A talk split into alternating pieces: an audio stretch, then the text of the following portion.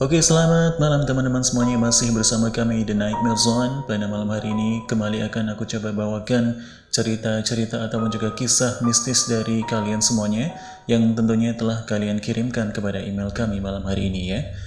Dan salah satunya sudah aku terima email dari kalian berupa cerita mistis yang berada di suatu kota ya ataupun juga bangunan yang sudah tidak asing buat kalian semuanya bangunan yang terkenal di kota Semarang yang terkenal juga akan sejarahnya ya. Baik, benar sekali ini adalah bangunan Lawang Sewu di kota Semarang. Baik, akan langsung aku coba bawakan langsung untuk kalian saat ini juga. Tiga misteri kejadian menyeramkan di Lawang Sewu. Jika kalian pernah berkunjung ke Semarang, tentunya tidak asing dengan bangunan megah peninggalan zaman penjajahan dulu. Lawang Sewu Gedung yang dibangun pada tahun 1904 dan terletak di kawasan bundaran Tugu Muda tersebut. Saat zaman penjajahan biasa disebut dengan Wilhelmine Plain. Asal-usul nama Lawang Sewu. Istilah Lawang Sewu dalam bahasa Indonesia berarti seribu pintu. Hal ini sesuai dengan bangunan tersebut karena memiliki pintu yang sangat banyak. Orang-orang mungkin mengenal gedung ini dengan nama Lawang Sewu.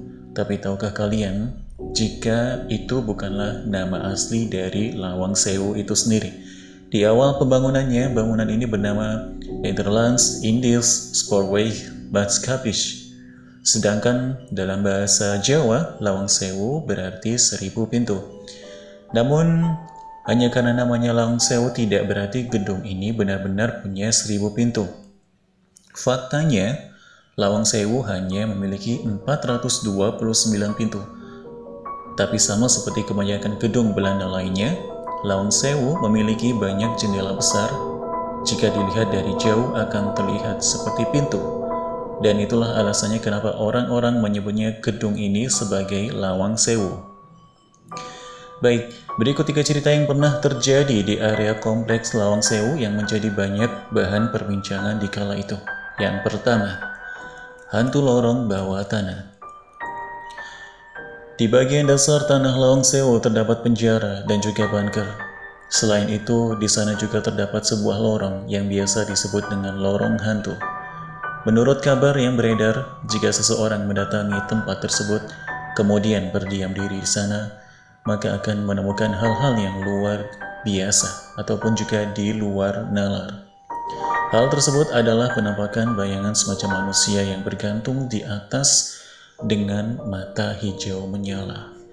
Bayang tersebut berjalan merangkak dari atas dan berupaya mendekati siapa saja yang melihatnya. Wow. Baik.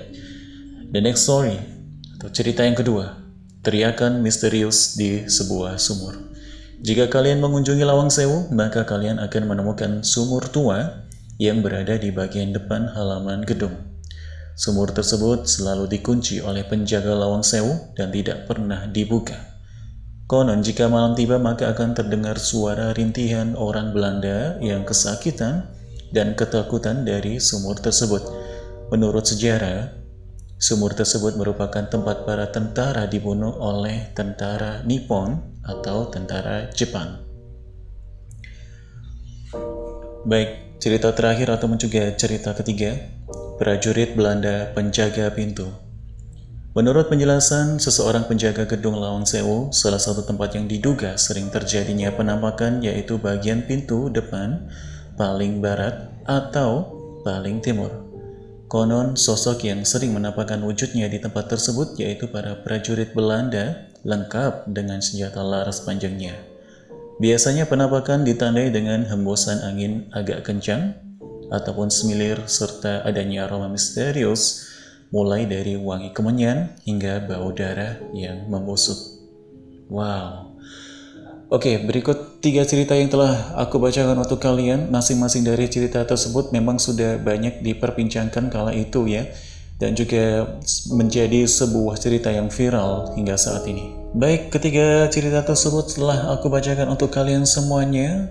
Dari ketiga cerita tadi, mungkin beberapa spot ataupun juga tempat ya dari lorong bawah tanah, kemudian sumur ataupun juga pintu-pintu beberapa pintu yang memang disakralkan di Lawang Sewu benar-benar dijaga oleh pihak setempat ataupun juga pihak penjaga dari Lawang Sewu sendiri.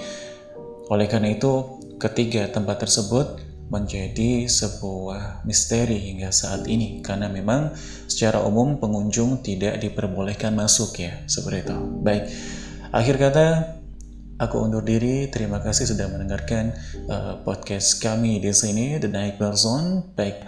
Thanks for the listening Night Zone guys and peace out.